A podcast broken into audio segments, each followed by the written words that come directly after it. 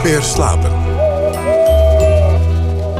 Goedenacht en welkom bij Nooit meer slapen. Zelfs Christus aan het kruis had het beter dan ik thuis. Zo heet de bloemlezing uit het werk van schrijver en cabaretier Hans Dorrestein, dat dit jaar verscheen. Maar eigenlijk gaat het al wel jaren goed met de meester pessimist. Hij verruilde de grote zalen voor de kleine, de vrouwen voor de vogels en hij noemt zichzelf niet meer lelijk, maar gewoon oud. Ter ere van zijn 75ste verjaardag verscheen het biografische boek De Kunst van het Lijden, een gelijknamige documentaire en een tentoonstelling in het Letterkundig Museum. Zijn levensverhaal is vertaald in de kruiswegstaties. De mishandelingen door zijn stiefvader, de drank, de vrouwen. Het leidt allemaal tot een miraculeuze wederopstanding. Dankzij de vogels en de erkenning. Goedenavond, Hans. Goedenavond. Het is eerste kerstdag. Um, Hou je daarvan, kerst? De laatste tijd eh, vind ik het niet erg. Maar vroeger was het een ramp. Want het werd altijd ruzie thuis. Dus ja, dan uh, zit je niet te wachten op kerst. Het is een beetje een, een bottleneck hè, voor, de, voor de zwaarmoedigen, volgens mij. Ja, maar ja, ik was daar op een gegeven moment toen ik uit huis was en enzovoort. Uh, was ik er al aardig overheen. Maar toen ik zelf kinderen kreeg, uh, vond ik het ja zo. Ik ben namelijk tot mijn eigen stomme verwonding een buitengewoon familiemens. Ik vond niks aan leuker dan met de kinderen uh, toen spelletjes doen. Mono, mono, Monopoly spelen op kerstmis. En uh, lekkere drankjes maken voor de kinderen, enzovoort, enzovoort. Dat vond ik leuk. En dan toch altijd ruzie, uiteindelijk? Nee, toen... Vroeger. Voor, maar, Daarvoor? Maar, in mijn jeugd, maar, maar later wist ik dat goed te vermijden. Nee, ik ben erg gezellig. Ja. Um, ik pas heel erg goed bij kerst, zullen we zeggen. Ja, je kunt volgens mij twee dingen doen als je een beetje zwaarmoedig bent met kerst. Je kunt je, kunt je een beetje wentelen in die heerlijke melancholie, maar je kunt, ja, je kunt er dus ook bijna aan onderdoor gaan. Er zijn geloof ik de meeste zelfmoorden zijn rond kerst. Ja, nou, het, ik heb daar wel veel over nagedacht, want dit, dit beeld klopt weer helemaal niet. Want ik, ik ben alleen maar somber als ik alleen ben. Als ik mensen om me heen heb, dan, dan, dan knap ik eigenlijk bijna altijd... of het moeten hele erge mensen zijn. Maar ik, ik, dan heb ik van al die ellende geen last. Dus eigenlijk is kerst een fantastisch feest. Als het, als, als, ja. Iedereen moet ook komen bij elkaar. Ja, ja. De, ik vind, dat vind ik gezellig. Ik hou niet van feesten hoor. Uh, dus waar gedanst wordt of zo. Maar gewoon in je eigen huis. En een beetje in de, net zoals Alex in de keuken. Ja, gewoon relaxed. Ja. Je bent um, 75 jaar geworden. Ja. Verbaast het je een beetje dat je die 75 gehaald hebt? Nou, ik was nooit zwak of zo. Maar het, het, het verbaast je dat je zo oud bent. Het lijkt wel of er op een gegeven moment een stuk overgeslagen is. En het, het is zo'n sluitmoordenaar, die vadertijd. Dat je, op een dag zeg je tegen je verrek. Ik ben nu een bejaarde. Wie had dat gedacht? Hoe, dat, hoe is dat zo gekomen? Waar merkte je dat als eerste aan? Dat ik oud ben, was? Ja, werd, was, bent. Omdat ik op een gegeven moment in de spiegel zag dat mijn oogleden, net zoals bij mijn grootvader, heel erg over mijn ogen gingen hangen. Toen dacht ik, kut, nu is het echt gebeurd. Je ziet eigenlijk ook je opa dan terugkijken als je in een spiegel kijkt. Ja, ja. Ja, nou zo erg als bij opa was het nog niet, maar... um, er is het boek verschenen, De Kunst van het Lijden. Ja, ook. Waar, waar ook. Uh, er is ook een, uh, ik zei het net al, een, een tentoonstelling en een documentaire gemaakt. Ja. Waarin heel veel wordt teruggeblikt op die 75 jaar. Ja. Die toch niet altijd even leuk waren. Is het eigenlijk leuk dan, terugblikken? Nou, dat is heel raar. In dat, die, die tentoonstelling. Een, meisje dat ik ken van de Baardmannetjes, productieleiders, Madelon, die, die zei dat ze ontzettend vrolijk werd daar rond te lopen en in dat, dat alles echt was. Wat ik altijd wel vertelde. En, en dat, ze had door mijn leven gelopen. En daar was ze heel erg vrolijk van geworden. Dus ja, dat kan ook. Nou ja, goed, zoals ik ook opknap van een, een beetje uh, sombere liedjes. Daar, daar, daar word ik vrolijk van. Het is eigenlijk, het, het, is echt de kunst van het lijden. Want je verwijst, ik vond dat heel grappig om te zien. Uh, de bloemlezing verwijst eigenlijk naar het katholicisme. En de kunst van het lijden in, in zekere zin ook. Katholieken zijn toch uh, daar gek, gek op om zich. Ja, het lijden heeft een doel, laat ik het zo zeggen. Ja, maar zou dat nog niet meer Calvinistisch zijn? Dat kan ook. Maar heeft het voor jou een doel? Leiden. Ja, als er iets leuks uitkomt, is het uh, buitengewoon uh, ja, nuttig, zullen we zeggen. Hè? Zullen wij, um, want ik heb bij het Letterkundig Museum, daar liggen overal uh, gedichten die je mag meenemen. Je mag ook alles vastpakken hè, bij, de, ja. bij de tentoonstelling. Ja. Heel prettig, vond ik zelf. Um, ik heb een van die gedichten meegenomen, zodat mensen ook een beetje een, ja, een idee krijgen. Een idee krijgen. Want ja, het is niet mijn beste lied, moet ik erbij zeggen. Ben je ooit wel eens helemaal tevreden over? Nou, bijvoorbeeld over dat lied wat je er net er straks aanhaalde... voor de uitzending, ik moest de schaap een tongzoen geven... dat vind ik een geweldig lied. Al zeg ik het zelf. Want het zit zo geheid in elkaar. Maar, maar nou, dit is een aardig cabaretlied. En, en vroeger zong ik dat echt. Ik, ik heb het heel lang geleden heb ik het een keer weer gehoord. Toen had ik een hele zware stem. Had ik niet meer. Niet, echt, het klonk prachtig. Ik kwam van zuipen. En roken misschien. En, en van het roken. En de ellende. Maar het gaf een geweldig effect. Waardoor het tot niet mooier klonk dan het is. Materiaal heet het. Wat mij ook overkomt, het is allemaal prachtig, prachtig, prachtig materiaal. Ik word overreden door een bus. Of ik pleeg incest met mijn zus. Een ongeluk of een schandaal. Prachtig, prachtig, prachtig materiaal. Geeft de bank mij geen krediet verzuip ik bijna in het kanaal. Dat wordt vast een heel mooi lied of een schitterend verhaal. Als ik het vliegtuig mis, de trein niet haal, prachtig, prachtig, prachtig materiaal. Ik brand mijn fikken, stoot mijn knie. Het wordt een roman, een trilogie. En krijg ik een leverkwaal. De alcohol werd mij fataal, prachtig, prachtig, prachtig materiaal. Ook als ik mijn graf in daal. Het is natuurlijk wel een sof, maar het levert me weer stof. Prachtig, prachtig, prachtig materiaal moet overtuigend zijn, dus ik herhaal prachtig materiaal. Ik zing nu voor de tiende maal met mijn voeten op het gaspedaal. Ik zat op de piano natuurlijk. Hoor mij jong leren met de taal. Oh, wat ben ik geniaal. Geen reactie uit de zaal. Barsten jullie allemaal prachtig, prachtig, prachtig materiaal. Zo. Maar dit, dit is niet de versie die ik zong. Nee. Dat grap, ja, maar deze was eigenlijk misschien wel beter. Oh, oké. Want ze wisselen een beetje dus eigenlijk.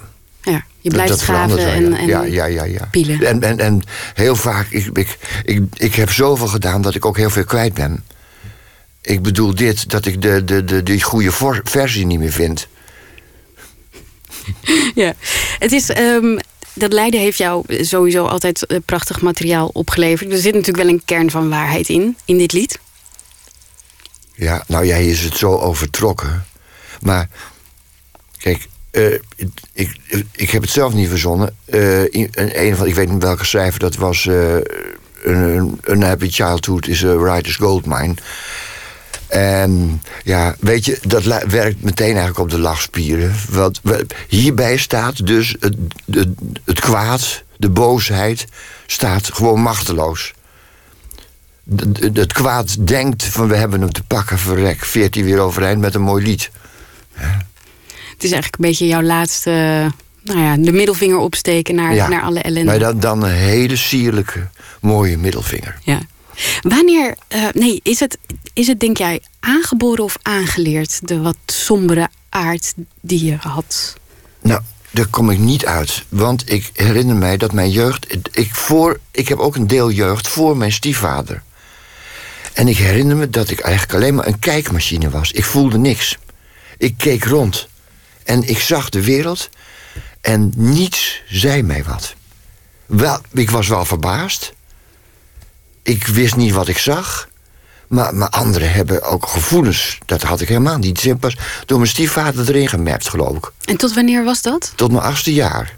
Tot je achtste jaar had je geen gevoelens? Nee. En geen ideeën. Ik leefde er, ja, ik leefde er maar wat op los. En ik weet niet eens of ik dingen leuk vond. Maar misschien zijn. Maar ik zijn, vond het ook niet naar. Maar misschien zijn goede herinneringen er ook wel uitgemapt door je stiefvader. Die kreeg hij er volgens mij niet uit. Ik weet niet wat. Nou, ik ben eigenlijk een heel verder een positief iemand hoor. Ik, heb, ik heb trouwens veel meer vertrouwen in de mensheid dan in mezelf. En dat is eigenlijk heel.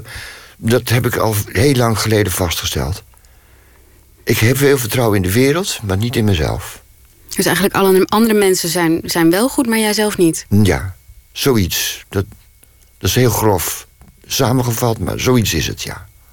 En moet je dat dan inderdaad terugvoeren op de mishandelende stiefvader? dat weet ik niet.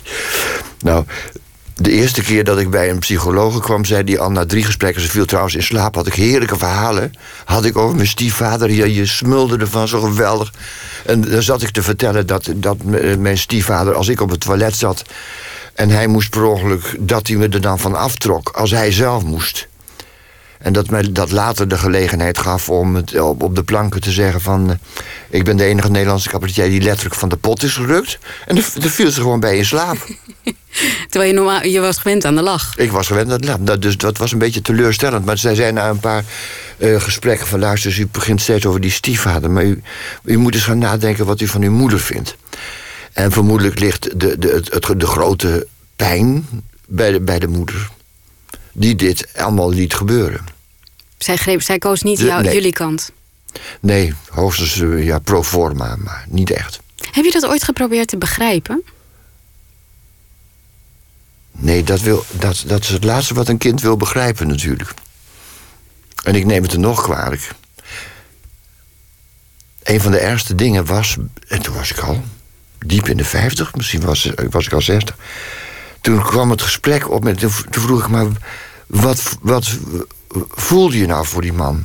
Ja, ze hield toch van hem. Ze vond het toch een leuke man. Dat, dat, dat, dat was een bittere pil. Als je zelf al bejaard bent. Het is, het is een merkwaardig iets. Zij heeft haar man verloren ook in, de oorlog, Ja. Ja, natuurlijk. ja en toen stond ze er alleen voor. Dat, dat, kijk, dat begreep ik wel. Dat, ze was een, een zwak, bang vrouwtje. Dat, eh, dat kon het niet alleen. Daar had ze een man bij nodig. Ik kende genoeg eh oorlogsweduwen... die het in hun eentje klaarden met de kinderen. Maar daar was zij het type niet voor. Nee, dat kon ze niet. Nee. Wanneer merkte je eigenlijk voor het eerst dat je ehm, met een grap die ellende kon weglachen? Ach, ja, dat was geweldig. Dat was mijn... Ik weet dat we een krankzinnige ruzie hadden. Er was ook weer een krankzinnige ruzie. En het was zo'n heibel. Het was gewoon op een, op een zondagochtend, geloof ik. En ik, ik zou smiddags naar mijn vrienden Tjeerd en Rob gaan. En ik dacht onderwijl handen wrijvend... dit moet ik aan Tjeerd en Rob vertellen. Wat zullen ze lachen? Het was echt een puinhoop, hoor. Wat, wat Dus- gebeurde er, weet je dat nog? Nee, ik weet niet meer precies. Maar daar, daar, werd met dingen gegooid en geschreeuwd en getierd. En En ben je dan een soort observator die daar dan naar nee, kijkt? dat Of? heb ik echt. Nee, dat, nee, toen was ik geen observator meer. Ik zei, als kind was ik een kijkdier. Maar toen, dat, dat gaat, toen was ik gewoon bang en, en, en kwaad. Hoe kom je dan toch op het idee van... Ik, maar ik ga hier straks toch even een lekker mooi verhaal van bouwen? Ja, nou ja, dat was een unicum. Meestal zat er geweldige, zit er een geweldige tijd tussen, tussen wat je beleeft en het opschrijft. Eh, eh, maar toen dacht ik, wat zo dit wat moet zo idioot geweest zijn dat ik dacht, nou, dit, dit kan vers van de lever. Is dat dan, ehm, dat je er dan een, een grap of een anekdote van maakt... is dat dan voor jou, dat je het zelf behapbaar probeert te maken? Of is het omdat je denkt, oh, daar heb ik publiek mee? Nee, dat denk ik ook niet. Geen van tweeën. Ik denk, wat zullen ze lachen? Ik bedoel, ik dat, dat dus, dus... Dat verklaar ik met de hand op mijn hart. Een geschenk. Dat, dat, dat is het enige dat ik de wereld te bieden heb. En dat wil ik graag. Je wilt eigenlijk, je wil de ellende wil je gebruiken. Jouw eigen ellende wil je gebruiken om Ja. anderen iets te Het is geven. heel platvloers en ik weet dat de echte literatuur zal erop neerkijken. Maar ik, ik, dit, die dingen, dat, dat vind ik het hoogst bereikbare. Beter kan ik niet. Het, is, het is wel grappig, want je houdt er ook van dat het publiek lacht. Hè? Als Ja. het publiek niet lacht, Oh man, dan stort ik in. Het gebeurt wel dat het publiek niet lacht. en dan? Nou ja, dat is voor mij een nachtmerrie. Kijk, een publiek. Kijk, als ik. Dat is weer een hebbelijkheid van mij. Andere collega's hoor ik daar nooit over. Ik denk ook dat dat niet zo is. Als ik een lied nog nooit in het openbaar gezongen. Als zou het het leukste lied zijn met 82 grappen per regel. dan reageert de zaal daar niet op. Als ik het voor het eerst zing. Ik moet eerst tien keer op mijn bek gegaan zijn met hetzelfde lied. Ik zing en dan op een dag gaan ze lachen. En ik weet niet waar dat aan ligt. Je kan het thuis 200 keer zingen of 1000 keer, maakt niet uit. Maar dan moet je iedere keer echt door een hel Je moet, voordat ja, je... Echt waar. Want zweet staat op je kop. Jij zit daar grappen te maken. Je weet zelf hoe het is op een verjaardagsfeestje... of op wat voor feestje ook, met familieleden. Allemaal mensen die heel dichtbij staan. En jij vertelt een grap en, en, en niemand lacht. Ho, ho. Nou, dan zak je al door de grond en nou, dan moeten er 200 man tegenover je zitten. Maar daardoor komt het misschien dat je dan per keer ook wat onzekerder wordt. Dat dat lekker zo in je, in je intonatie kruipt, waardoor het misschien heel grappig wordt. Dat is een hele slimme. Misschien, ik heb het ook wel eens een keer gemerkt... dat als ik een lied zelf te leuk vond... dat ik dus al genoot bij het idee dat ik het zou brengen... ja, dan kon ik het ook schudden. Dan denkt hij zelf, hij vindt zichzelf leuk. Dat moeten we niet hebben. Maar ben je, niet, ben je niet te gevoelig? Want wat je zegt, als je op een, op een familiefeestje zit en mensen lachen niet, kan je toch ook denken, nou ja, volgende grap beter.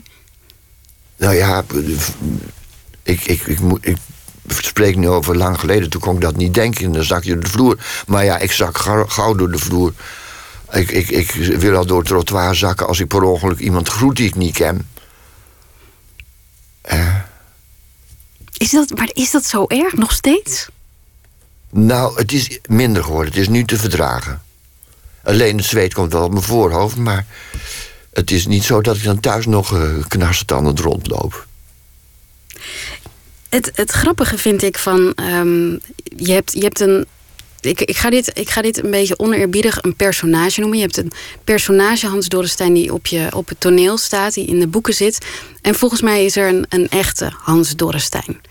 Um, en het personage Hans Dorrestein is iemand die um, ja, zijn ellende weglacht, die, die mensen probeert te vermaken. Um, is dat. Je moet ook voortdurend nu, merk ik, vertellen aan mensen dat je eigenlijk een heel vrolijk mens bent. En dat je wel kan genieten van het leven. Ja. Is dat vervelend? Vertel ik dat vaak? Ik heb, een aantal, ik heb een aantal dingen teruggelezen, interviews, waarbij eigenlijk bijna iedere, nou zo, in het tweede alinea staat: eigenlijk ben ik een heel vriendelijk en vrolijk mens. Ja. En dat, zei je het ook. Dat, zei, dat zeg ik ook wel. Maar dat is als er mensen zijn. Ik, ik, eh, ik ken beschrijvingen van Frans Schubert, daar lijk ik eigenlijk het meeste op. Die, die, die is, was toch heel alleen. Kijk, als ik alleen ben, ben ik echt alleen. alleen. Behalve als ik zit te schrijven dan, eh, dan, en als die dag. Maar ik kan, dan kan ik echt somber zijn. Maar zodra er mensen om me heen zijn, dan, dan, dan, dan valt die somberheid weg. Dus en het is natuurlijk ook duidelijk dat ik een heel afhankelijk figuur ben. Ik ben gewoon afhankelijk van de aanwezigheid van mijn medemensen, van hun, van hun instemming. Ik moet, ze moeten lachen om mij, enzovoort. enzovoort. Het, is, het is geen kleinigheid wat, wat er allemaal moet. Ja, maar is het, en is het dan ook omkeerbaar dat juist omdat je het altijd weglacht, dat mensen vergeten wat voor diepe zwaarte er eigenlijk achter zit? Nou ja, dat hoop ik dat ze daar niet mee gaan zitten tobben. Want dan wordt het lachen het vergaat je. Dat wil ik eigenlijk helemaal niet. Nee. En de meeste mensen die ik ken, die voelen dat wel. Die weten dat wel. Die voelen dat wel. Er wordt niet van niks zo hard gelachen in zalen om de meest erge dingen die ik vertel.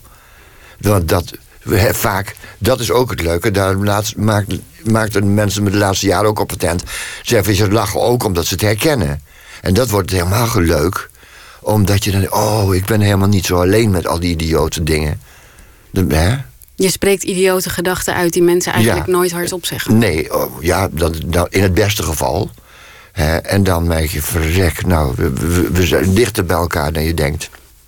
Is het... Um, gebruik je, want je hebt een, een, een, aantal boeken, daar komen allemaal personages in voor die, die min of meer op de werkelijkheid zijn gebaseerd. Soms voelen deze mensen dat als een, als een afrekening. Ja. Zoals bij finale kwijting, waar een, een rechtszaak tegen is geweest. Ja. Uh, door jouw ex-vrouw aangespannen. Ja. Het ging over het echtscheidingsproces. Ja. Is het een afrekening? Nou, in dat speciale geval uh, uh, is het zo door, door de hele literatuur opgevat. Dat moet een afrekening. Ik stond met mijn rug tegen de muur. En, maar tegelijkertijd, ook dat boek, en dat vond ik echt ook Kijk, ze hebben gelijk hoor. Het is een mislukt boek. Het is te veel een foto geweest. Maar er werd niet bijgezegd dat er ook hele goede grappen in zaten. Uh, ze hebben eigenlijk alleen maar de donkere kant gezien. Maar is het voor jou persoonlijk een afrekening? Is het een manier om mensen. Nou, in dat geval, bij ik, ik, ik vrees dat ik de, de, de kritiek gelijk heb moeten geven. Ik, ik ging van me afslaan, ja. Ik, En meestal is dat niet zo. Meestal is het zo lang geleden dat ik het met grote afstand kan zien, dat ik het niet meer zo vreselijk beleef enzovoort. En dan is het geen afrekening meer. Dan breng ik iets in kaart. En dat was, ja, dat was bij uh, finale kwijting niet. Maar als je, toen met, als je me toen geïnterviewd had, dan, dan, dan was je geschrokken van, van de wanhoop. Was ik zat echt heel erg diep. Je bent ook uiteindelijk in wat je zelf noemt het gekkenhuis terechtgekomen. Ja, maar toen was het lang zo erg niet. Nee, dat was, dat was eigenlijk best een leuke tijd, moet ik zeggen.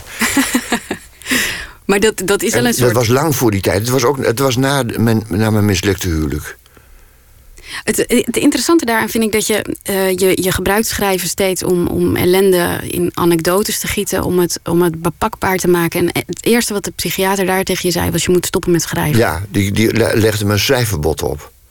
Maar uh, nou, dat kon ik heel goed begrijpen. Ja, natuurlijk, het is een, het is een vlucht. Maar uh, ja, dat, dat, dat, was, dat was heel goed. Ik ben toen trouwens, ik ben toen ik had het heerlijk. Ten eerste werd ik verlost van het schuldgevoel. Want vermoedelijk heb ik toch altijd gedacht dat ik de, de mislukking maakte. He, zal ik flink aan meegeholpen hebben. Maar eh, ik hoop niet dat dat meer dan 50% geweest is. Maar uh, waar, waar was ik nu aan het vertellen? Je wilde iets vertellen wat heerlijk was aan het schrijven. Oh ja, dus dat ik niet hoefde te schrijven. Ik had een Beuzendorfer tot mijn beschikking. Dat is een geweldige vleugel. En die stond in een verlaten kerkgebouw. En toen ben ik de eerste ballade van Frederik Chopin in gaan studeren. Toen heb ik echt voor het eerst een, een, een, een gooi gedaan naar, naar, naar geweldig. Hè, hoe noemen ze dat als je heel snelle loopjes kan maken? Geen idee. Ik, heb, ik ben muzikaal niet onderlegd. Oh, wat jammer. Nou ja, ja, dat, en, ik, ik had daar vaak publiek bij. En uh, dat, dat klonk echt van, jeetje nou, hij zou best naar het conservatorium kunnen. En je bent gaan kleien. En gaan kleien, ja.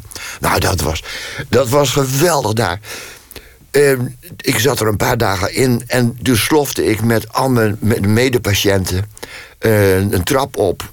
En toen kwamen we in een ruimte, daar stonden allemaal werkbanken en ezels. Ik bedoel, met, met, met doeken. En je, daar kon je alles doen. De hele dag kon je doen. En er lagen overal op die tafels laven velle papier van drie, vier meter. En, uh, en al die patiënten om me heen gingen zuchtend aan het werk. En dan kriebelden ze in een hoekje. Zo'n klein madeliefje. En, maar de, oh ja, de, nog prachtig, er kwam ook de, de creatieve therapeut... die ons daar door, door zo'n dingen door, doorheen moest leiden... die kwam op me af en die zei... God, voor een gek lijkt je wel heel erg veel op Hans Dorrestein. En toen werden al die patiënten om me heen heel boos, want we waren niet gek. En ik zei, jongens, we zijn wel gek. Laten we de zaken bij de naam noemen. Maar het was zo heerlijk om die man te horen zeggen... kan je zien hoe het bevrijdend is als de dingen met de naam genoemd worden. En, ja. ja. Nee, jij bent toen gaan kleien, je bent die, oh, dus je moest een creatieve uitklep. Ja. Nou, en ik, had, ik was met, met, met mijn handen ik was zo slecht dat ik... Ik heb ook kweeksel gedaan, uh, pedagogische academie. Toen ben ik de eerste geweest die in 13 jaar zakte... voor zijn handenarbeid. Want ik moest een hond maken van 30 centimeter... en het werd een poesje van 3. En toen was ik gezakt. Heb ik niet gekregen. Maar die... die uh, nou weet het, die, die creatieve therapeut, e-, Egbert Brandt... Hoe heette die? Ik, daarnet had ik zijn naam wel. Die gooit een stuk klei voor me neer... En ik ben aan de slag gegaan. Ik, ik zag er een, een, een beweging in. En een uurtje later had ik een krokodil die echt kon bijten. Had ik, ik nooit gekund. Never, nooit niet. En ik was er nog niet uit of ik kon het ook niet meer. Toen kwam alleen maar hompen klei uit mijn handen. Maar zou die, die, die psychiater hè, die jou dat schrijfverbod op heeft gelegd... zou die dan niet... Is het ook niet dat het schrijven uh, de somberte in stand heeft gehouden? Ja, dat hoor je ook wel weer van schrijvers die ongeveer hetzelfde doen als ik. Uh, je, je, herbeleeft het steeds. Je, je, blijft er wel dichtbij. Want je, de wederopstanding, waar we het net over hadden, uh, had te maken ook met toevallig natuur en dieren. Die kwam toen je natuurboeken ging schrijven. Ja, dat was, dat was voor mij een openbaring. Ik zat zingend op mijn, op snorfiets. Echt waar. En uh, ik, voor het eerst ging ik echt hele dagen niet meer schrijven, maar met mijn verrekijkertje. De Betuwe of de Veluwe op. En dat boek, de eerste, dat eerste boek, de Dorresteens Vogelgids... nou, ik heb geen enkele moeite hoeven doen. Het fladderde er zo uit. Was je niet bang dat je dacht... mensen verwachten toch van mij iets soortgelijks en geen vogelboek? Nou, dat interesseert je dan echt geen bars meer. En ik voelde ook, dit loopt zo lekker, dit kan niet slecht zijn. En het werd ook een groot succes. Voor, voor mijn doen werd het een groot succes, ja. Is, is dat dan eigenlijk erg dat je dat dan niet eerder ontdekt hebt? Dat iets wat je blij maakt dus ook een heel groot succes kan zijn? Nee, weet je, ik ben, ik ben heel blij en gelukkig met alles wat mij niet gelukt is. En wat en met. Ik, ik heb altijd in de marge gezeten. Ik, ik, ik studeerde samen met Freek de Jonge. En ik, was nog, ik heb nog zeven jaar les gegeven terwijl hij al hartstikke beroemd was.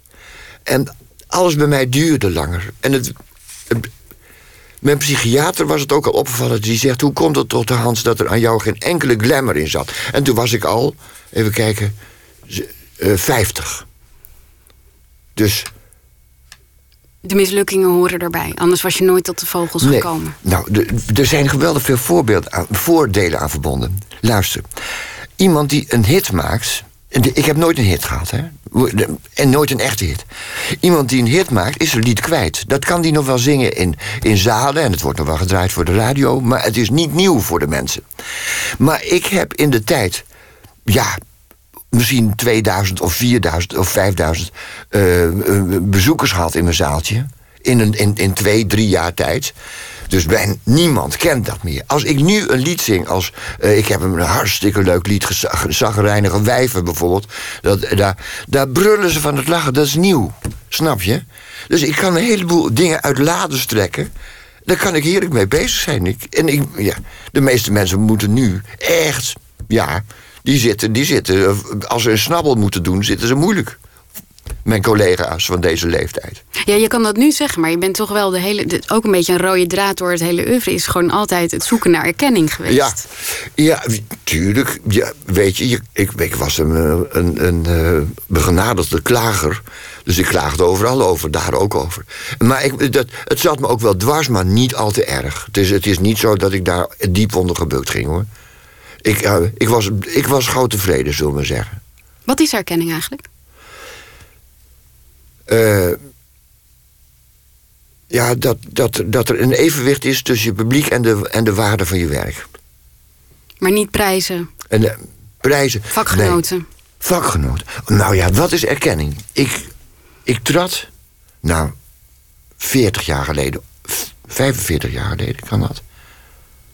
Ja, dat kan makkelijk. 45 jaar geleden, 50 jaar geleden trad ik wel op voor kinderen.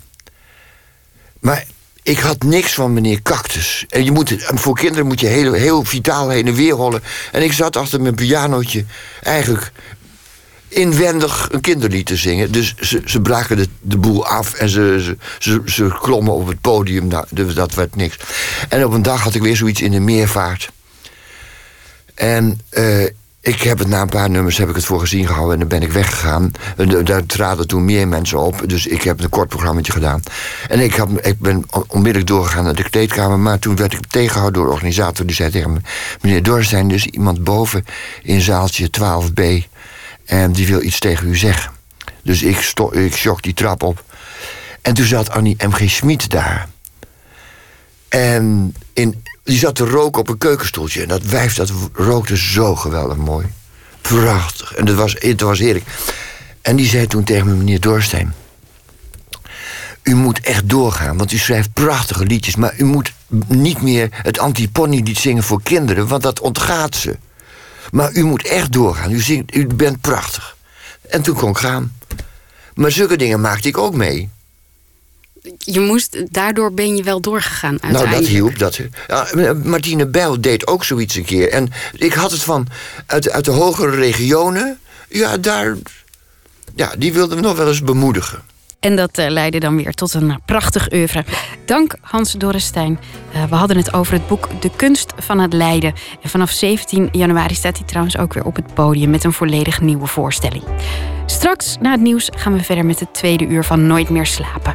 Dan leest actrice Britte Lacher het kerstverhaal Ik zag mama kerstman kussen voor van de Amerikaanse auteur Simon Rich.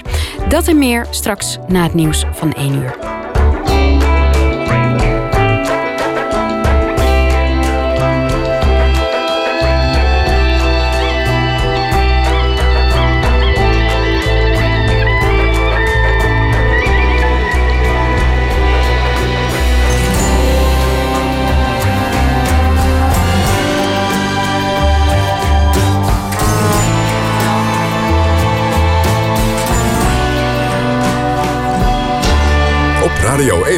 Het nieuws van alle kanten.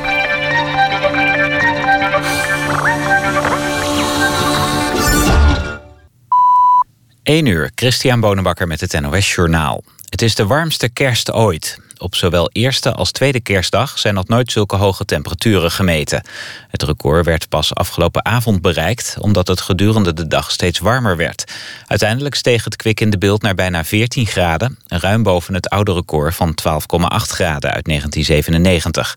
Het record voor tweede kerstdag dateerde uit 1974 en stond op 12,1 graden.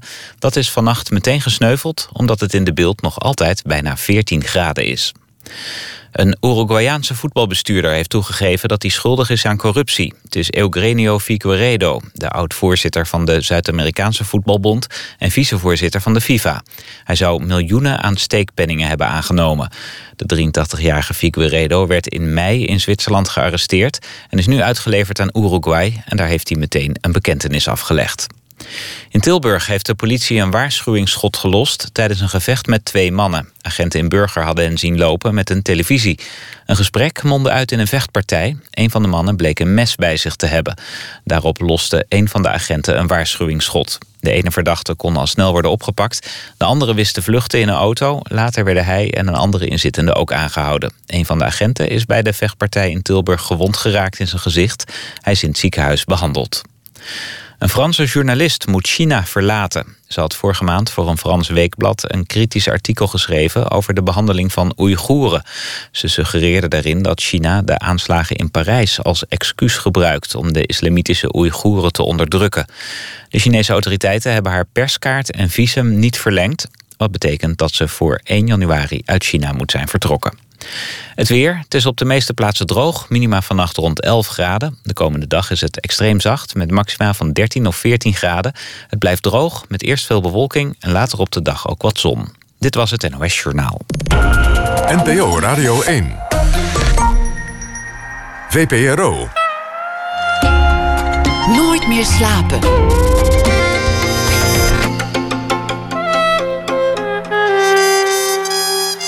Met Floortje Smit. U luistert nog steeds naar Nooit meer slapen. In dit uur blikken we terug op het afgelopen jaar met winnaars van 2015. Mensen die uitblinken in hun vak en daarom afgelopen jaar een grote prijs wonnen. Straks hoort u muzikant en cabaretier André Manuel en architecte Francine Hoebe. Maar we beginnen dit uur met onze kerstserie. Een samenwerking met de stichting Uitgelezen Verhalen, waarin een acteur of actrice een kerstverhaal uit de literatuur voorleest. We sluiten af vandaag met actrice Britte Lacher. Zij studeerde in 2012 eh, af aan de Amsterdamse Toneelschool en Kleinkunstacademie. En ze speelt sindsdien rollen in uh, televisieseries en films als Ramses, Van Godlos, Prooi en Lieve Celine. Britte Lacher leest voor ons een kerstverhaal van de Amerikaanse auteur Simon Rich, getiteld Ik zag mama de kerstman kussen. Nooit vergeet ik de avond waarop ik mama de kerstman zag kussen. Ik was toen nog maar tien jaar, maar ik zie het nog voor me. Mijn moeder stond onder de mistletoe en de kerstman stond vlak naast haar, met een grijns op zijn mollige roze gezicht. Zijn sneeuwwitte baard glansde sterk in het maanlicht en toen mijn moeder hem omhelsde, rinkelde zijn met belletjes behangen jas zacht. Toen ik mijn geheim er de volgende dag uitflapte, lachte mijn moeder en gaf me klopjes op mijn hoofd. Maar mijn vader bleef vreemd stil. Ik kon aan de wallen onder zijn ogen zien dat hij slecht geslapen had. Hij had ook zijn ontbijt niet aangeraakt en zijn kaak zat klem als een bankschroef. Een paar jaar later zag ik mijn moeder en de kerstman seks hebben. Mijn ouders waren toen uit elkaar, maar het was toch een schok. Ik ging een glas water halen toen ik iets hoorde in de speelkamer. De deur stond half open en toen ik door de kier keek, kon ik ze op de bank zien liggen. De kerstman was naakt vanaf zijn middel naar beneden en pompte zijn lichaam tegen het haren. Ik vond het verschrikkelijk, maar kon niet ophouden te kijken. Het was gewoon te bizar. De kont van de kerstman was gigantisch, herinner ik me maar vreemd genoeg wel gespierd. Zijn baard droop van het zweet en ik zag vlokken vocht in het rond vliegen.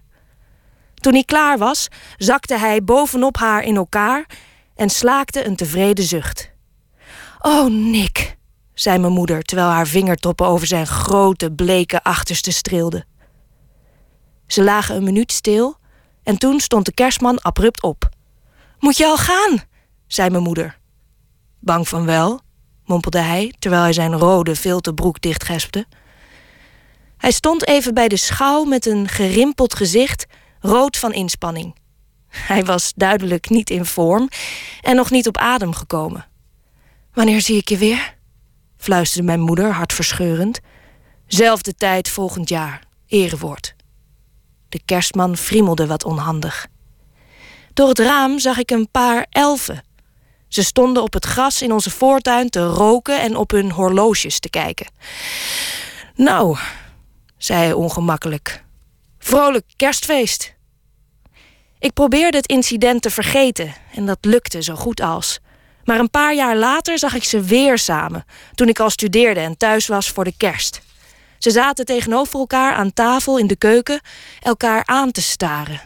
Er stond een schaal koekjes tussen hen in, maar ik zag dat de kerstman die nog niet had aangeraakt. Ik vind het gewoon een beetje gek, zei mijn moeder. Ik bedoel, je geeft altijd cadeautjes. Dat is soort van jouw ding. De kerstman zat zijn slapen te masseren. Het spijt me dat ik ons jubileum vergeten ben, zei hij. Wat wil je dat ik er verder nog over zeg? In mijn moeders ogen welden de tranen. Tien jaar, zei ze. We doen dit al tien jaar. Ze begon te snikken. Wat ben ik voor jou, Caroline? Ben ik je partner of ben ik gewoon een hoer? Caroline!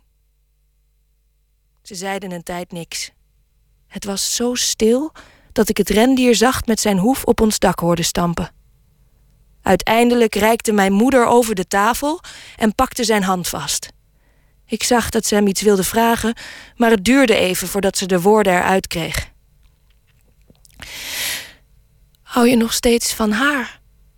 Nee, zei hij vastberaden. Met kerstvrouw heb ik een verstandshuwelijk. Dat heb ik je aan het begin al gezegd. Ze kneep in zijn hand. Waarom kun je haar niet verlaten dan? Dat zou je niet begrijpen. Ze trok haar hand weg en deed haar armen over elkaar voor haar ochtendjas. Het gaat om je imago, of wat?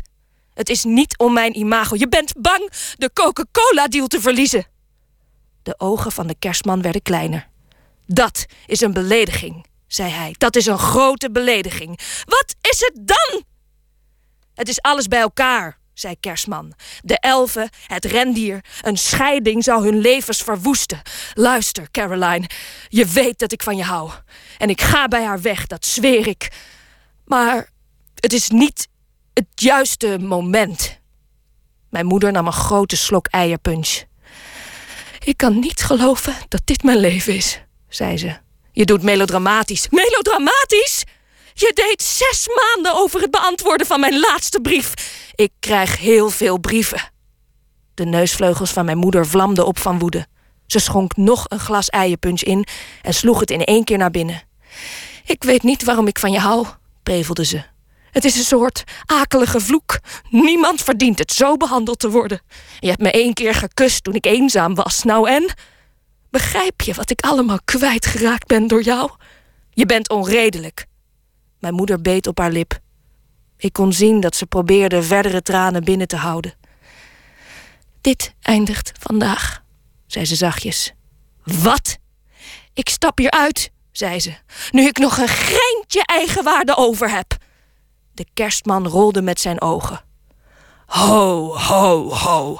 Ik maak geen grapje, snauwde mijn moeder. Je kunt me van je lijstje afstrepen zonder nog een keer te hoeven checken. Jezus, zei Kerstman. Hoe lang heb je die in je mouw gehad? Sodemieter op! Mijn huis uit, zei mijn moeder. Nu! De kerstman zuchtte. Kan ik nog naar de wc? Nee! De kerstman stond op.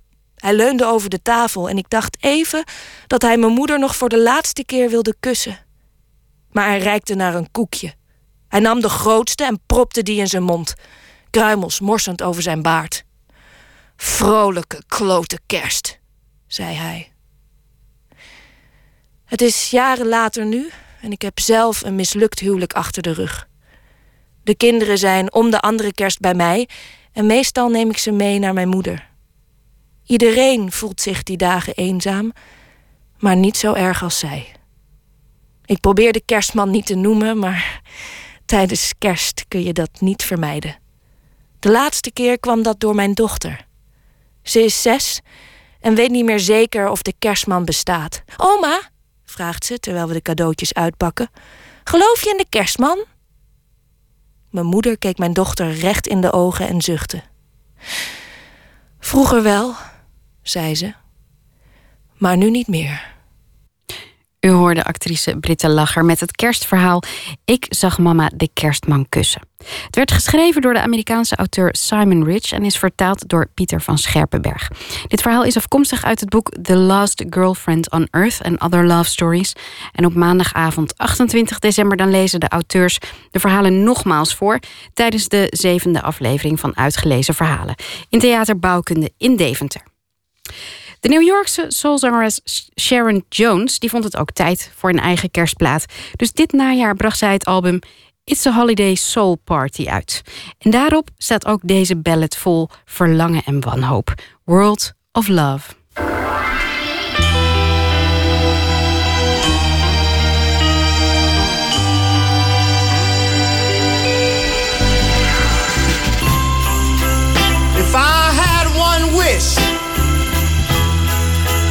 Christmas this year, there'd be no more sorrow, there'd be no pain or tears.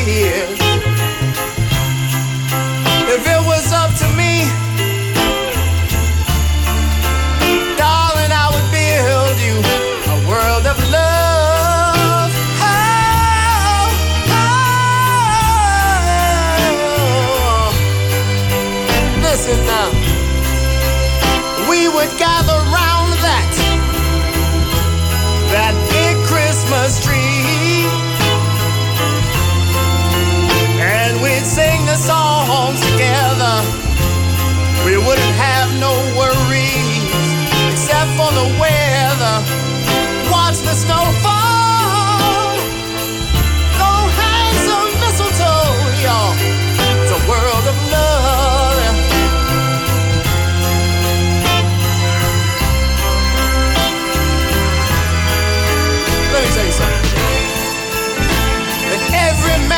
See what the true spirit means. Peace on earth and love and joy.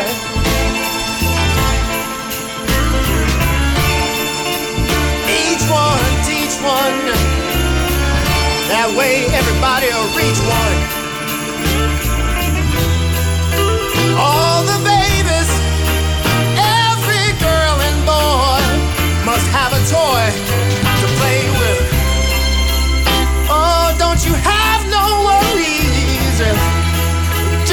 This one day now.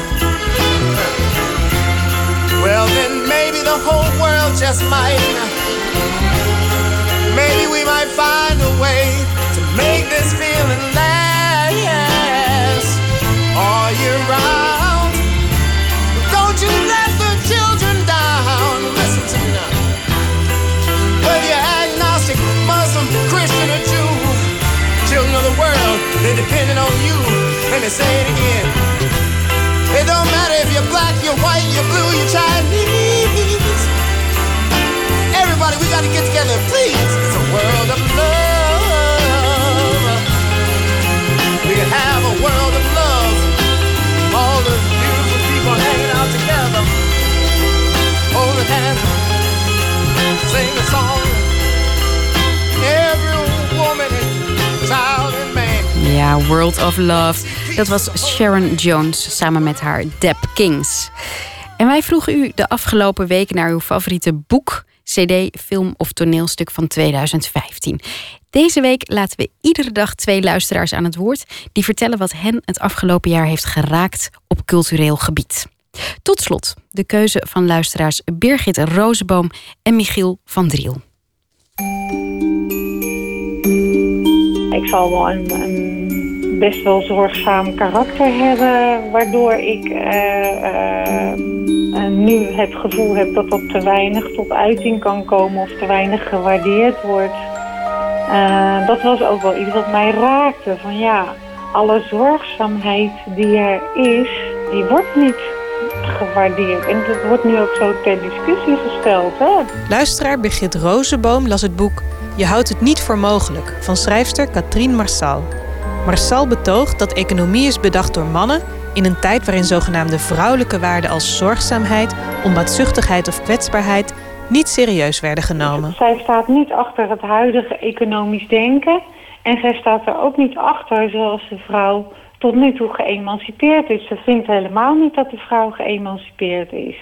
En dat zet me ook ontzettend aan het denken over ja, hoe het dus uh, in al die jaren en eeuwen gegaan is eigenlijk. Met, met onze moeders en overgrootmoeders. En, en, en zoals het nu nog steeds met ons gaat. En dat er nog steeds wel een hele belangrijke verandering nodig is. Ik denk dat het voor heel veel mensen die nu uh, ja, aan de zijlijn gezet, worden... Uh, ook een heel goed boek zou zijn om weer een beetje meer gevoel van eigenwaarde terug te krijgen.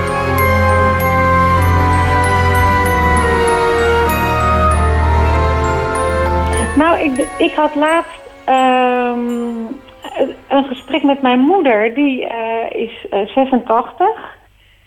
En ja, die, die is natuurlijk in een hele andere tijd opgegroeid. En, en, en uh, daar had ik laatst het gesprek over van... Ja, bekijk het maar eens anders. Dat alles wat jij gedaan hebt eigenlijk heel erg veel geld waard is geweest. Wat je nooit hebt gekregen. Hè? Puur in, in de vorm van een munt. Omdat het gewoon door het huidige denken niet als zodanig gewaardeerd wordt. Ik uh, ben al ongeveer vanaf mijn basisschooljaren ben ik eigenlijk al heel geïntrigeerd door die holocaust.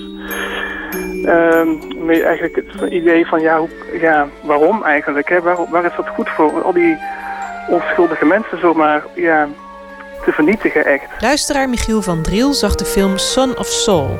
Een Auschwitz-drama over gevangene Sol... die probeert te voorkomen dat het lichaam van zijn zoon in een verbrandingsoven belandt. Ik, het, het, blijft me bezighouden. Ik, ik kom er niet van los. Ik wist ook van tevoren dat het een hele expliciete film uh, zou zijn.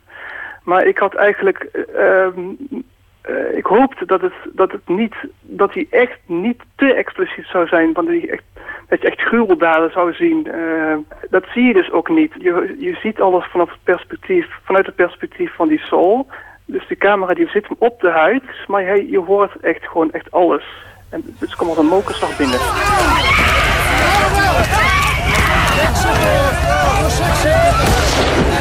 Vooral de schok omdat je dan um, dat die geluiden, je hoort iedereen schreeuwen en schelden. En, en, en, de eerste, de beste scène ook meteen al. Dan worden de mensen in de gaskamer gejaagd met allemaal praatjes. En dan, uh, ja, dan roepen ze deur dicht, deur dicht. En dan, ja, dan, hoor je een enorme, zeg maar, uit, een enorme, enorme schreeuw van die, zo'n doodschreeuw van die mensen, zeg maar. Die sterft dan langzaam weg. En dat is dan meteen al de, de heftigste scène die erin zit, zeg maar. Ja, dan zit je wel meteen vanaf, vanaf dat moment zit je voor in je stoel.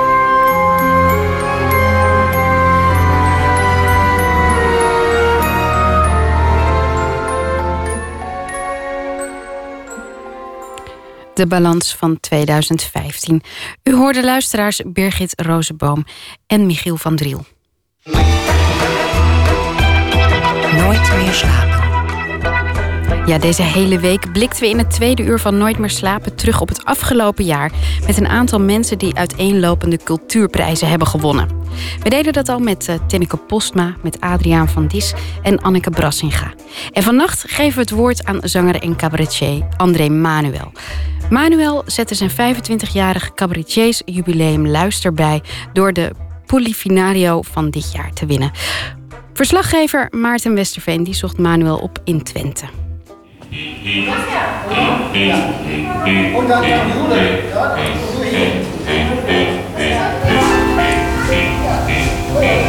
Het is avond in Enschede. En ik bevind me in theater De Kleine Willem. Zanger, cabaretier en soapacteur André Manuel is bezig met de soundcheck voor zijn kerstrevue. Maar ik ben hier om te praten over zijn Polifinario, die hij voor zijn voorstelling Het Geval Apart in de wacht sleept. De Polifinario wordt uitgereikt aan de meest indrukwekkende cabaretsvoorstelling van het jaar. Een mooie waardering voor de Diepenheimer die al sinds 1990 op het toneel staat. Tussen de bedrijven door nemen we Manuels jaar eens rustig door. Ja, ik heb al, eh, een, heel. Hoe heet dat ook alweer? Dus ik zoek even een woord. Vol. Ik heb echt heel veel gedaan dit jaar. Heel veel theater gespeeld, heel veel muziek gemaakt. Plaat, nieuwe plaat opgenomen met mijn band. Ik ga een nieuwe plaat opnemen. Ik heb nieuwe mensen ontmoet. Ik heb eh, een nieuwe band ben ik aan het oprichten met uh, Roos Reebergen. En dan ga ik naar Antwerpen. En dat vind ik ook mooi. Ik, ik ben graag in Antwerpen, vind ik een fijne stad. Ehm, nou ja, ik heb die prijs gewonnen, die Polifinario, dat helpt wel. Daar word je wel feestelijk van in je kop. Ehm, ik, ben, eh, ik heb cultuurprijs Overijssel ook nog gewonnen. Dus wat dat betreft, heb, het enige wat ik nog eigenlijk kan krijgen is een lintje. Maar ik ben bang dat ik die kans jaren geleden al verprutst heb. Dus eigenlijk heb ik alles bereikt wat ik kan bereiken. Dus ik ben eigenlijk al klaar. Ik weet ook niet wat ik nog in 2016 moet doen.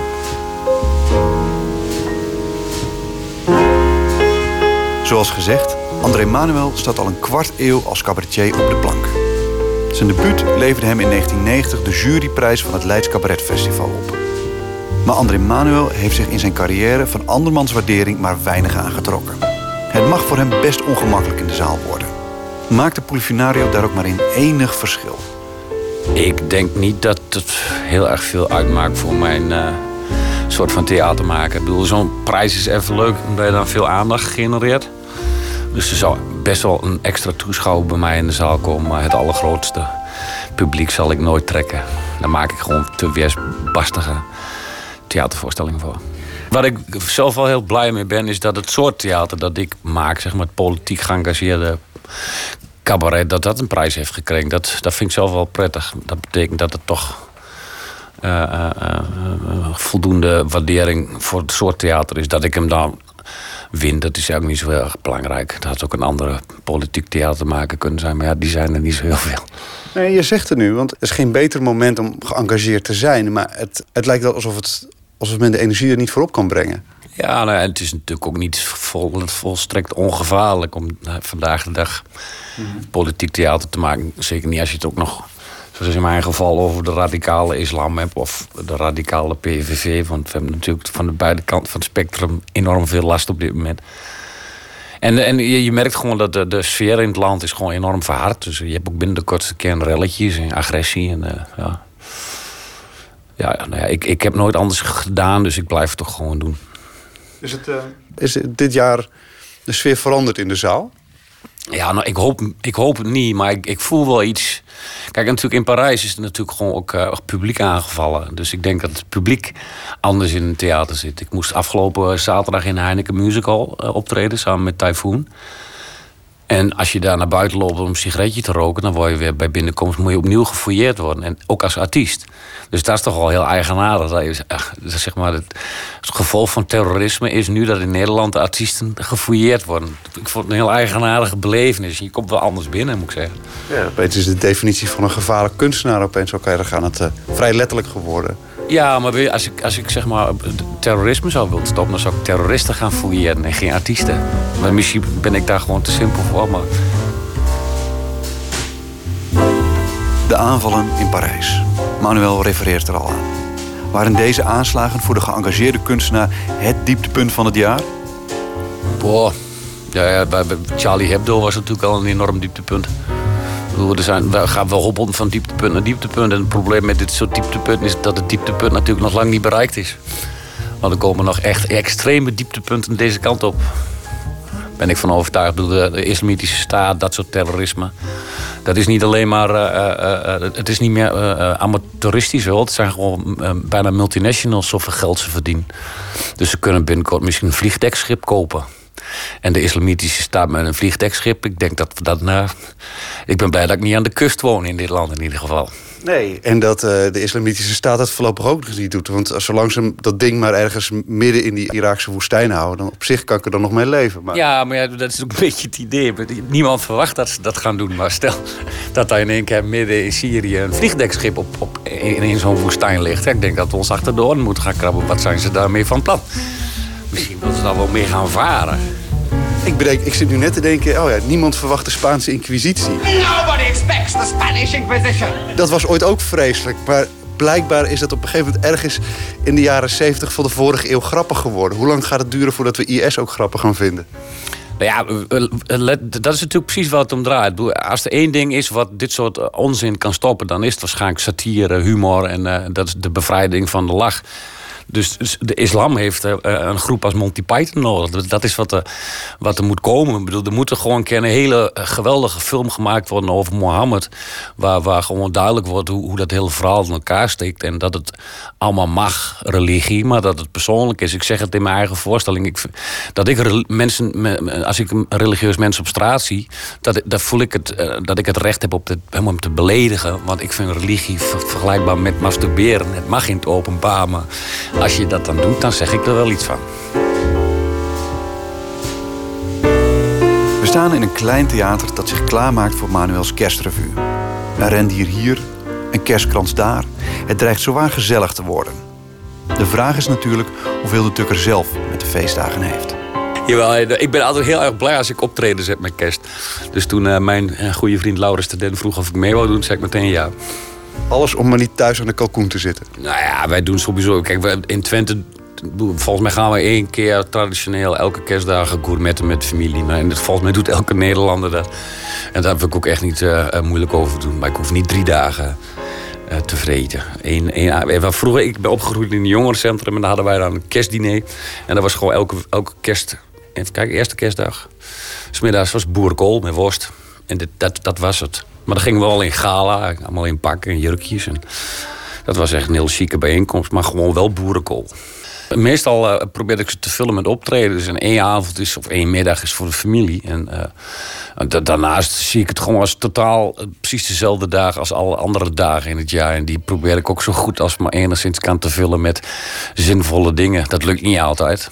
Maar gelukkig ben ik een enorm liefhebber van televisieseries en films. Dus ik vermaak me daar wel mee. Maar er is niks in. Je hebt, je hebt ook de hele kerstgedachte is voor jou voorkomen idioot? Um, ja, ik ben een praktiserend atheïst, dus ik kan nou niet hier op de radio. Het is de VPRO dit ook, hè? Ja, nee, ik heb echt helemaal niks met kerst of met Pasen of met welke christelijke of islamitische of joodse feestdag dan ook. Goed, kerst in 2015 mogen we dus gevoeglijk vergeten. Maar hoe kijkt Manuel naar 2016? 2016, och, ja, ik word 50 volgend jaar. Nou, dat is wel een mijlpaal dat ik dat heb gehaald. Als rockmuzikant, als blowende rockmuzikant, als drinkende rockmuzikant. 50 is toch wel een mijlpaal. En dan ben ik toch, ja, ben ik op een kwart. Want ik wil 200 worden. Ik heb namelijk nog heel veel te doen. Is er iets dat je echt nog gedaan wil hebben, gewoon als kunstenaar? Nou, de dingen die ik nu doe, die blijf ik doen. Dus ik ga volgend jaar een nieuwe theatervoorstelling maken. Ik ga volgend jaar een nieuwe plaat uitbrengen. Misschien wel twee. Maar wat ik nog heel graag wil, en daar hebben we wel plannen voor, is een film maken. We hebben al een script geschreven. We willen graag een film maken over de Zwarte Cross. Maar het probleem met film is, voordat je zeg maar ook maar één minuut hebt gefilmd, je al bijna een half miljoen kwijt aan, eh, aan kosten. Als je een film wilt maken, is zo verschrikkelijk duur. Dus daar zijn we nou aan het zoeken. We zijn nou een beetje eh, geld aan het genereren om eh, de eerste stap te kunnen maken. En als we, het schijnt met film zo te zijn, als je het eerst een beetje geld binnen hebt, dan volgt de rest vanzelf. Maar ja, ik bedoel, ik weet het niet. Ik, ik, ik, ik, hoop dat het volgend jaar van de grond, van de grond krijgt. En anders een jaar daarna. Maar dat is wel de, iets wat ik echt heel graag zou willen, ja. Ik, we hebben gewoon een heel mooi verhaal gemaakt over, met het festival op de achtergrond. Maar we willen eigenlijk, het verhaal gaat echt over, over de cultuur in Oost-Nederland. De, de, de, de rock and roll die hier nog zit, de anarchie. Zeker in de achterhoek. Twente is wat feodaler natuurlijk dan de achterhoek. De achterhoek is eigenlijk nog ruiger dan hier. Maar om dat zeg maar goed in beeld te krijgen, krijgen met die humor, die er ook enorm aanwezig is. Dat is een enorme uitdaging. Ik, ik, we hebben het idee dat we een soort van Turks fruit kunnen maken, maar dan anno 2016. Maar zo'n film, zeg maar, met eh, vrij veel uh, bloot.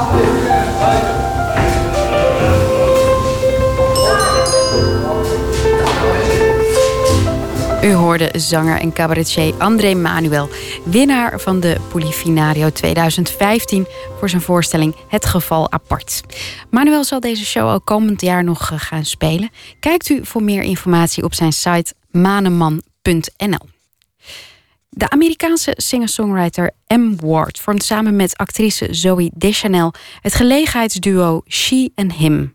En ook She and Him maakte een kerstplaat, A Very She and Him Christmas. En op die plaat staat dit: Wish.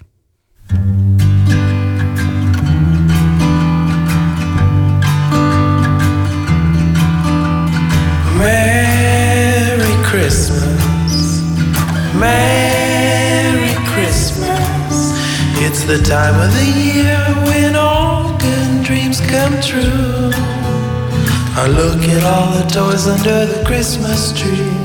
It makes me think about the way that things could be if people all over the world could just see them too. Every Christmas, there's a magic in the air when the holiday spirit's true. I listen to the voices as they float my way. It must be the music that the angels play. If people all over the world could just hear it too.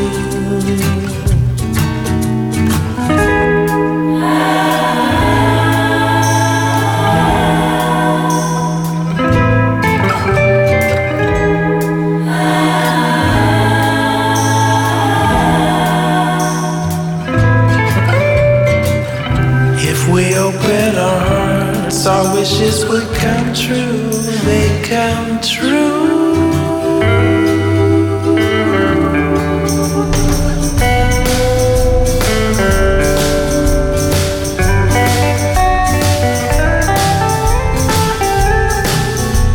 I listen to the voices as they float my way. It must be the music that the angels play. If people all over the world could just hear it too.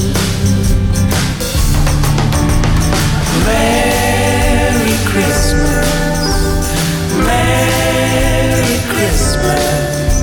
It's the time of the year when all good dreams come true. I look at all the toys under the Christmas tree. It makes me think about the way that things could be.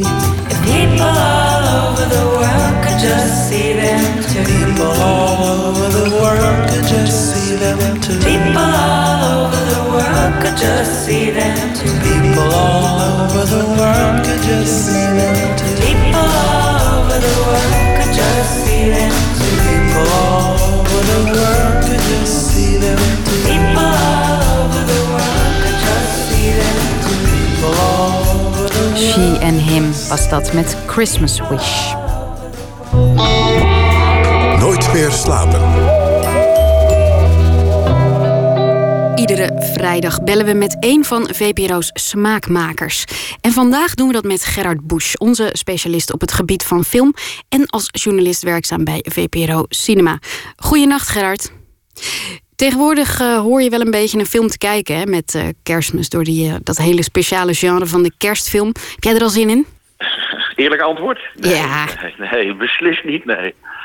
Het zijn allemaal films die ik al gezien heb natuurlijk, die bijna iedereen al heeft gezien. En eh, het type film zelf, met een goede boodschap en een beetje, eh, misschien ook wel een beetje suikergoedachtige wereldbeeld, dat is ook niet helemaal mijn type film. Dus nee, ik zit niet echt te wachten op... eh, ik kijk nu naar The Bridge 3, de serie, weet je. En dat, eh, dan laat ik al die It's a Wonderful Lives en, en, en Home Alone's laat ik dit jaar maar lekker allemaal voorbij gaan. Dat is wel heel somber. Het mag toch ook wel één keer suikerzoet zijn in het jaar, Gerard?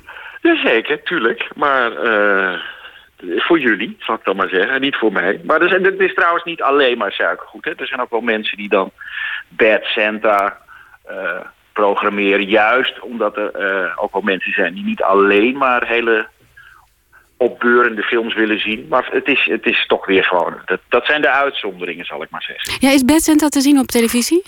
Zeg je? Is Bad Santa te zien op televisie? Ja, ja dat is inmiddels ook vaste prik op, eh, op kerst. Heerlijke film. Leg even Ja. uit voor de mensen die, die ook niet van suikergoed houden waar die over gaat.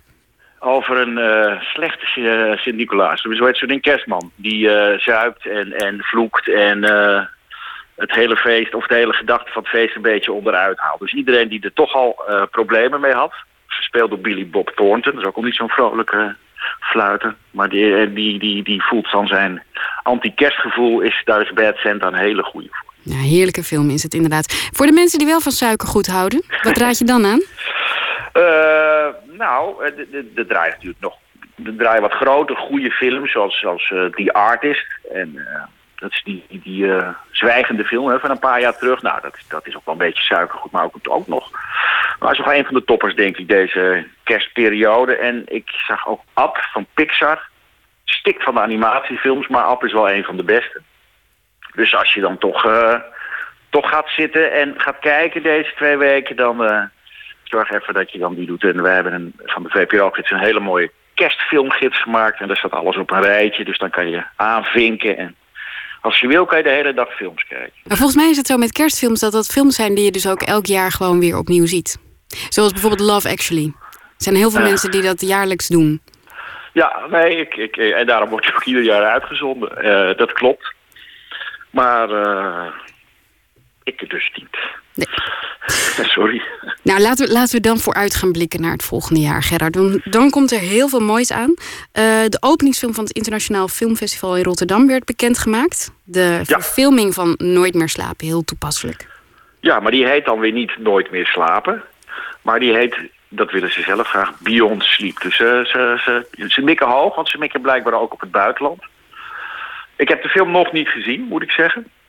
Dus ik kan daar niet zo heel veel over zeggen. Ik heb het boek wel ooit gelezen. Toen had ik mijn been gebroken en kon ik ook niet slapen. Dus de, de boek heeft een speciaal plekje in mijn hart.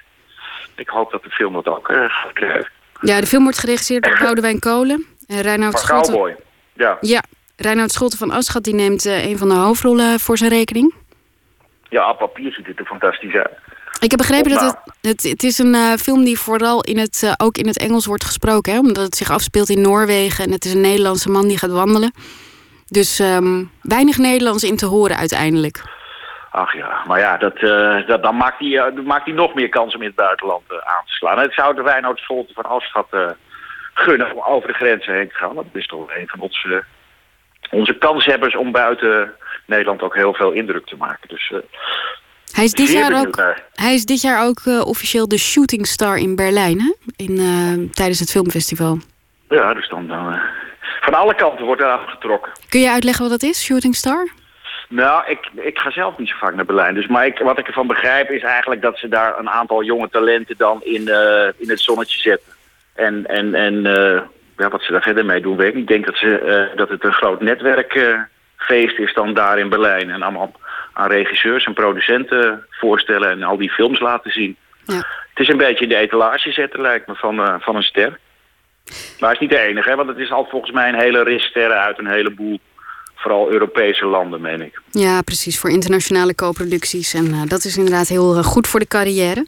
Ehm, om het over, als we het hebben over internationale films. Hè, het Oscarseizoen staat voor de deur. Dat betekent meestal dat er weer een hele reeks hele goede films in de bioscoop komt.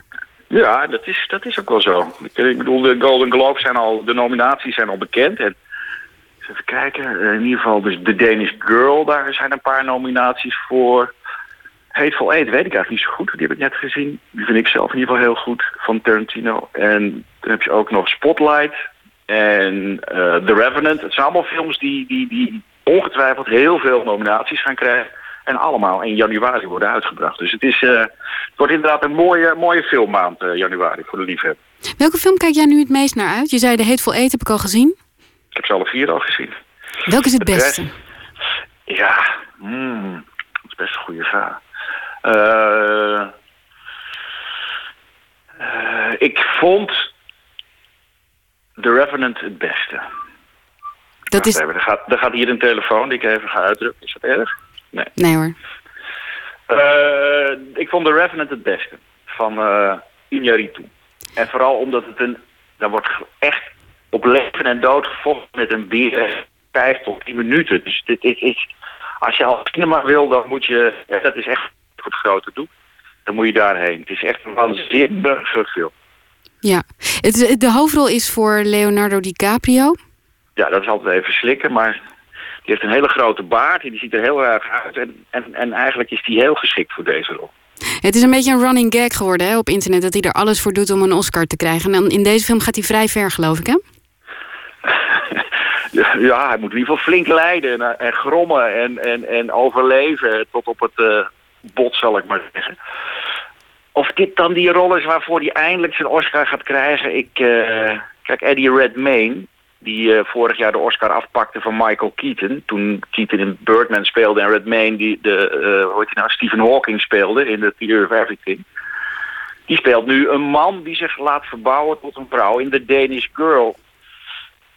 Ja, Oscar-juries, die, of juries, dat zijn de, de leden van de Academy, die, vinden dat toch heel fijn als mensen uh, ziek worden of heel erg lijden. Of, of, ja, en of ze dan weer die... Uh, het is toch een beetje een mannetjesfilm, The Revenant. Of ze daar, uh, of ze daar DiCaprio voor gaan belonen. Ik weet het niet. Nou, het is in beide gevallen is het Oscar bait, zoals dat heet. Zeg Ja, maar aas ja. voor de Oscar. Dus absoluut, absoluut, ja. En, en wat ik heb gezien is ook wel... Ik denk ook wel dat het misschien wel tussen hun zou kunnen gaan. Misschien vergeet ik er een, hoor. Maar dit is... eh, wie hebben we dan nog meer? Weet je uit je hoofd wie we nog meer hebben bij de, bij de mannelijke hoofdrollen? Nou, deze twee springen er volgens mij het meeste uit. Maar goed, Ja. het is nog geen februari, hè? Nee, dit is nog geen februari. Maar al wel half januari worden de nominaties bekendgemaakt. Hè? Dat is ook altijd een leuk, spannend moment. Er komen weer mooie filmtijden aan. Dankjewel, Gerard. Nog een hele fijne kerst en een eh, gelukkig nieuwjaar natuurlijk. Wie meer wil weten over de besproken films... die kan natuurlijk terecht op de website cinema.nl. En in 1947 was Charles Brown een van de eerste die begon met het opnemen van kerstblues. Hij nam toen het nummer van Lou Baxter en Johnny Moore op. Dit is een latere uitvoering, Merry Christmas Baby.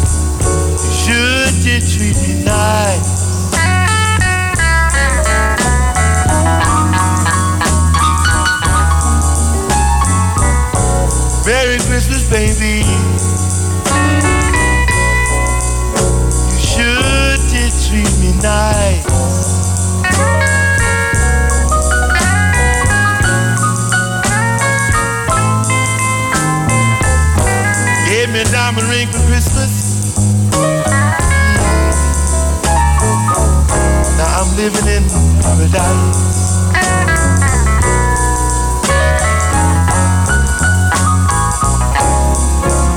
When I'm feeling mighty fine. Got good music, Lord, on my radio.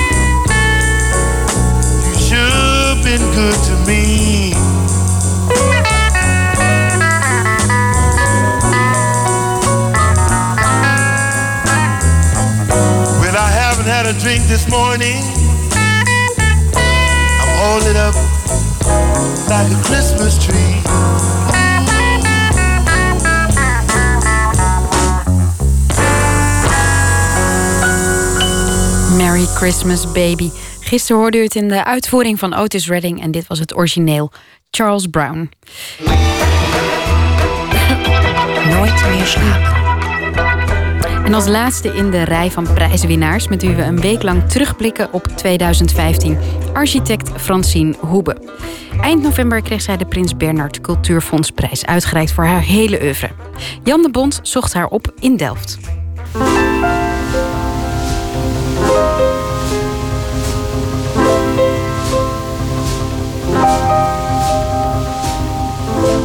Als je iets afspreekt met Francine Hoeben, kan je dat het beste doen in Delft.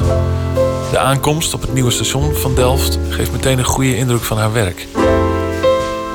Het architectenbureau van Hoeben, Meccano, leverde afgelopen jaar een prachtig gebouw op. Met veel glas, sierlijke vormen en veel aandacht voor licht. Het station is geopend. De rest van het gebouw is nog niet helemaal af, hè? dus de rest moet nog af. Dat is natuurlijk echt aankomen in Delft. Ik hoop dat je dat ook zo ervaren hebt. Eh, ik ben er zelf heel erg blij mee. Ik weet ook nog wel dat we toen die prijsvraag wonnen. Dat was toch een van mijn eh, gelukkigste momenten in mijn leven. eh, Qua werk dan. Dat we dat toen wonnen. En dat het nu af is of bijna af is. En dat het ook heel erg gewaardeerd wordt. Daar ben ik heel erg blij mee. Je werkt, je- werkt, jullie werken wereldwijd natuurlijk. Wat maakt dat je zo blij bent dat je juist deze opdracht binnenkrijgt? Is dat dan toch gewoon de thuisstad? Ja, ik denk, nou, ik zie, ik zie Rotterdam ook als thuisstad. Maar dat je gewoon in, je eigen land iets mag maken. ehm, ja, dat vind ik toch heel, eh, ja, heel erg fijn. En ook nog iets. En je voelt je ook waanzinnig verantwoordelijk. Want je moet je voorstellen, het station van Delft. eh, we zitten hier met nou, 150, 160 mensen. Maar de helft komt allemaal met de trein. Dus ook als je het niet goed doet, dan word je er ook elke dag mee geconfronteerd. Dus ik, ik ben er heel trots op. ja.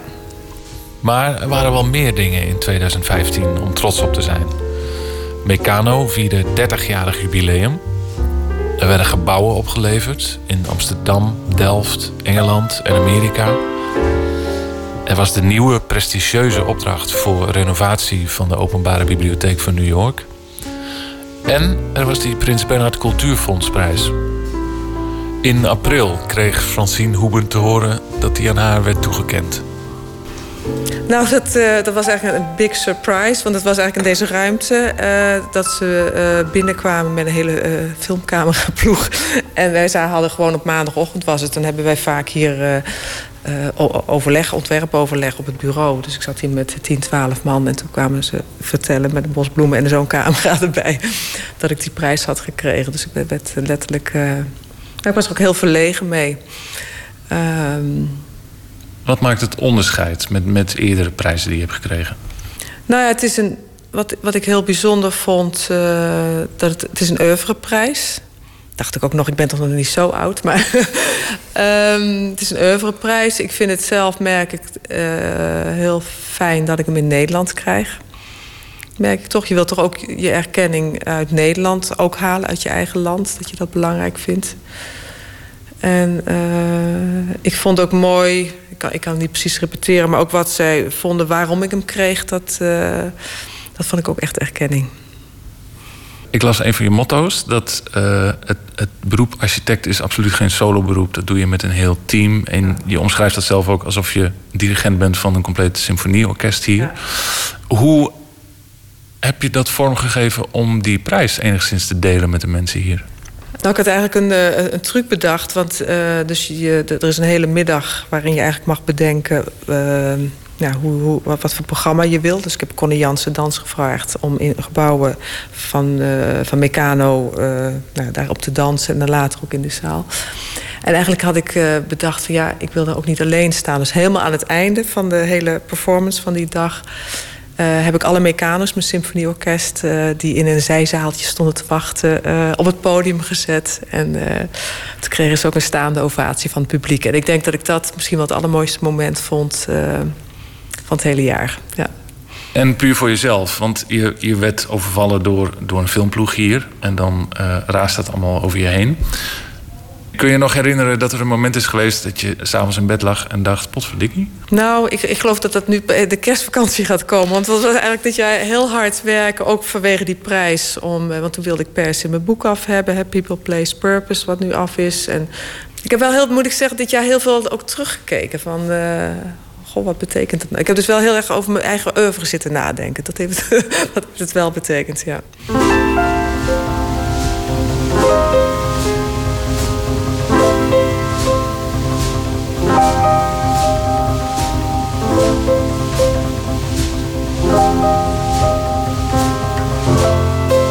Was ook het jaar dat mijn vader uh, overleed. En dat gebeurde uh, nou eigenlijk in, juni. Dus dat was eigenlijk tussen alle bijna feestelijkheden in. nu was mijn vader bijna 94, dus we hebben een zeer gezegende leeftijd. Maar toch was het ik had een hele sterke band met hem. Dus dat, daar was ik natuurlijk toch heel verdrietig over. Maar tegelijkertijd dacht ik ook voor afgelopen week... ja, weet je, mijn vader heeft mij, en mijn moeder ook... hebben mij echt geleerd alles te vieren wat, wat er in het leven te vieren uh, valt. Dus op zich zijn uh, begrafenis, die ook nog eens plaatsvond in de kapel... die ik zelf had ontworpen in Rotterdam, vond plaats. Maar eigenlijk was het een prachtig feest... Dus zeg maar al deze feestelijkheden. Ja, ik vind het super jammer dat mijn vader niet meer is, want die zou ervan genoten hebben. Uh, maar toch draag ik uit, ja, toch zijn waardes uit. Dus in die zin. ik vind het super jammer dat hij niet meer is en ik mis hem heel erg. Maar ik vind wel wat we hem ook beloofd hebben, dat we, we zijn, nou, zijn verhalen, zijn gedachten goed door zullen dragen dat ik dat doe. Ja. Het lijkt me heel speciaal dat je zelf de kapel hebt ontworpen waar je afscheid neemt van je vader. Hij was nog hij was nog helemaal in, in, tegenwoordigheid van geest. Je hebt dit ook met hem doorgesproken? Ja, hij, ik denk dat we al twaalf jaar geleden uh, met hun overlegd hebben... waar ze graag begraven zouden willen worden. Want het is op een begraafplaats. En toen wilden ze allebei uh, hier heel graag... Uh, ja, ze zeggen, we waren gewoon samen... hier heel graag begraven worden. Dus ik vind het eigenlijk het is toch prachtig dat je in die kapel ja, wat gewoon een prachtig... Het is een, van onze mooiste werken, uh, dat dat daar plaats kon vinden. Ik heb ook nog heel hard de week ervoor de hele kapel zelf geverfd... en uh, alle teksten daar opnieuw opgeschreven.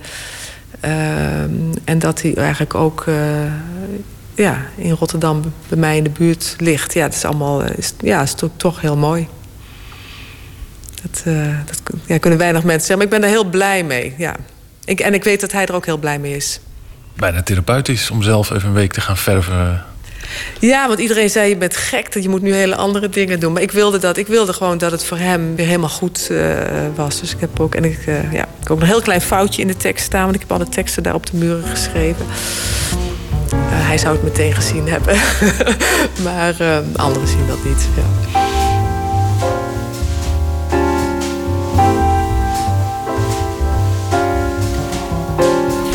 Is er een kerstritueel in Huizen Hoeben? Nou, in die zin is het, is het toch opmerkelijk. Want anders kwamen ze eigenlijk altijd naar ons toe voor tien dagen of zo. Uh, we hebben ook nog een grote familieboerderij. En dan kwam iedereen eigenlijk, ook mijn broers en zussen... of iedereen kwam aanwaaien op die familieboerderij.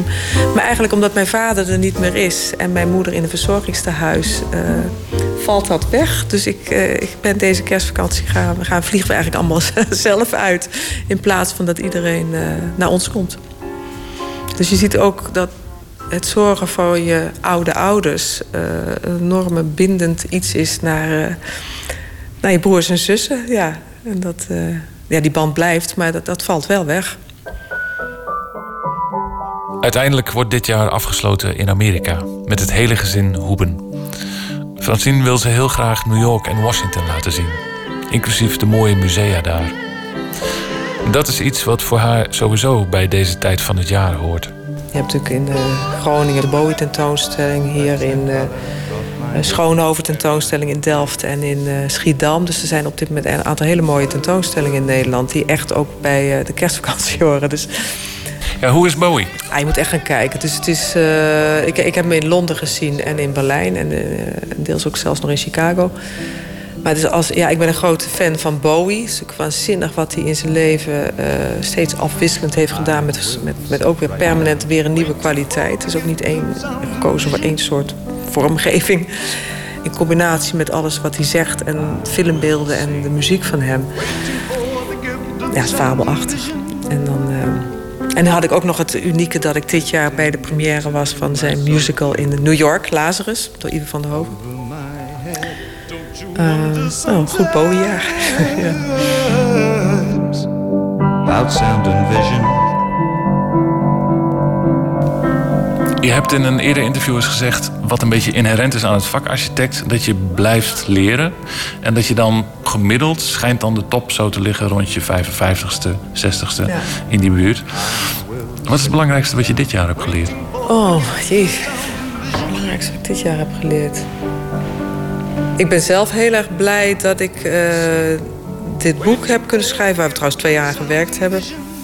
Waarin ik toch een soort samenhang heb kunnen uh, maken over 30 jaar. En dat er absoluut een rode lijn in zit. Want als je... Uh, dus, en daardoor moest ik ook weer in 30 jaar werk terugkijken. Er zitten soms ook historische momenten in. En denk ik, oh ja, dat klopt toch. Dat ik toen al zo dacht. En dat, dat, dus ik heb nu wel die rust meer om daar zo over na te denken. En, de, en daar zelf de coherentie in te zien. Nog meer dan ik al in mijn hoofd had, maar dat, dat ik niet kon uiten. Dus het, het, het klopt wel, ja. Ja, dat is niet iets op jezelf de borst slaan, maar het, het klopt wel. Het is toch coherent. Architect Francine Hoebe. Zij won dit jaar de Prins Bernhard Cultuurfondsprijs. En u hoorde haar in gesprek met Jan-Paul de Bond. En we sluiten deze aflevering af met een dichter die een favoriet gedicht voordraagt. En deze week is dat de keuze van Hester Knibbe. Het gedicht waarmee ze de reeks afsluit is van Hester Knibbe zelf. En het heeft als titel Teteshiel.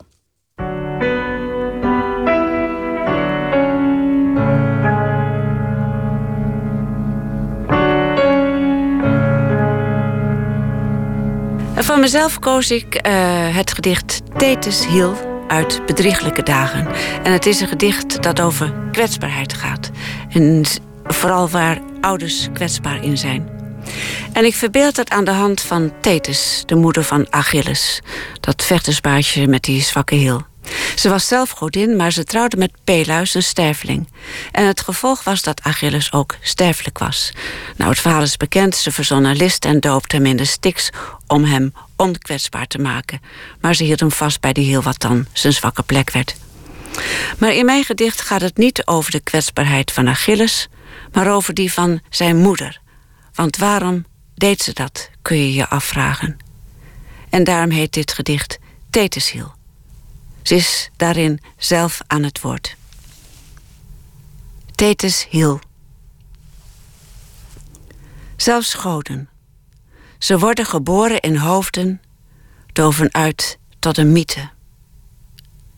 Zoals niemand de bron van de bron kan duiden, of later op zee kan vertellen: dit is het water dat diep in de aarde, dat wat hoog op de bergen stroomde. Zo stromen, stervelingen en goden. Van mijn oorsprong weet ik dus niets. Ik huurde de aarde. In mij groeide een kind, viel uit me tenslotte. En ik murmelde, mormeltje mijn, ik noem je, dompel je in onkwetsbaarheid. Het lachte naar mij, hield me vast bij de hiel toen het mama zei. U hoorde Hester Knibbe met het gedicht Teteshiel. Volgende week moet u het zonder nooit meer slapen doen. Op deze stoel zit dan Wim Brands, die van maandag tot en met vrijdag met uiteenlopende denkers praat. Grote woorden is de titel van die reeks gesprekken. Vanaf maandag 4 januari zijn we weer bij u terug. Straks kunt u luisteren naar Woord en dat staat helemaal in het teken van idealen. Ik wens u een fijne nacht, een fijne kerst en graag tot volgend jaar.